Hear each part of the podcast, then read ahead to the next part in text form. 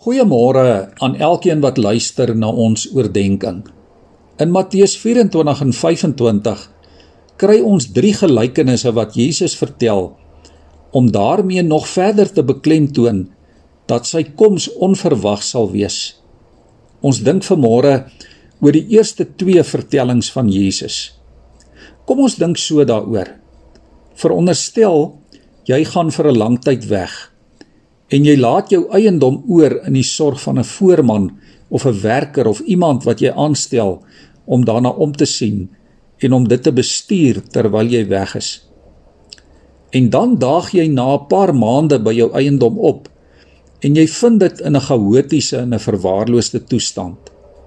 Jy is so teleurgestel dat jy daarin dan die onbetroubare en onverantwoordelike, onverskillige voorman afdank en in die pad steek. Jy wil niks meer met hom te doen hê nie. Aan die ander kant gaan jy baie bly en dankbaar wees as jou eiendom by jou tuiskoms in 'n pyk toestand is. Jy sal die voorman bo verwagting beloon selfs met 'n uitstekende bonus. So verwag die Here dat jy en ek getrou en verantwoordelik sal wees as sy geroepe en aangestelde volgelinge. Hy vertrou ons met sy koninkryk. In die tweede gelykenis vertel Jesus van 10 meisies wat wag op die koms van die bruidegom. Dit is 'n belangrike geleentheid waaroor almal opgewonde moet wees en waarvoor alles in plek moet wees. Dink maar net watter teleurstelling dit vir enige bruid of bruidegom is as dinge by die onthaal dalk nie in plek is nie. Die tafels is dalk slordig gedek of die kos is onsmaaklik voorberei of die een of ander noodsaaklike element word dalk vergeet. In Jesus se vertelling was die helfte van die meisies ongeërg en onvoorbereid, onverskillig en onverantwoordelik. Hulle was nie ernstig genoeg oor hulle rol en verantwoordelikheid by die bruidegom nie en by die bruilof nie. En daarom is hulle uitgesluit toe die bruidegom opdaag en die fees begin. Dit was ook te laat om hulle fout te probeer regmaak. So liewe vriende, herinner die Here ons dat ons die heeltyd gereed moet wees vir sy koms.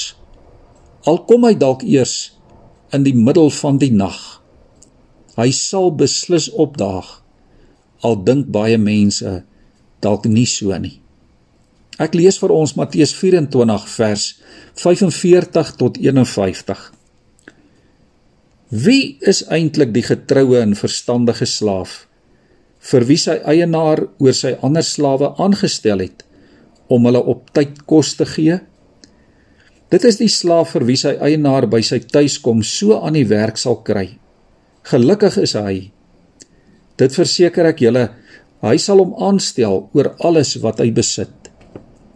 Maar as dit 'n slegte slaaf is, sal hy by homself dink: "My eienaar bly lank weg." Dan sal hy die ander slawe begin slaan en saam met die dronkaards eet en drink. Die eienaar van daardie slaaf sal op 'n dag kom dat hy dit nie verwag nie en op 'n uur wat hy nie vooraf weet nie. Dan sal sy eienaar hom laat doodmaak en hom die lot van huigelaars laat deel. Daar sal hulle huil en op hulle tande kners. Kom ons buig ons hoofde in gebed voor die Here. Here, ons is vanmôre so bevoorreg dat U ons vertrou met U kosbare evangelie en in U koninkryk. Help ons Here om elke dag te fokus op wie U is en op dit wat U wil is vir ons as U kinders. Help ons om nooit moeg te word of te dink dat U dalk nie na ons toe kom nie. Here laat ons die heeltyd onthou dat U nader is as wat ons mag dink. Lei ons deur U Gees om U wil te soek en dit te doen. Amen.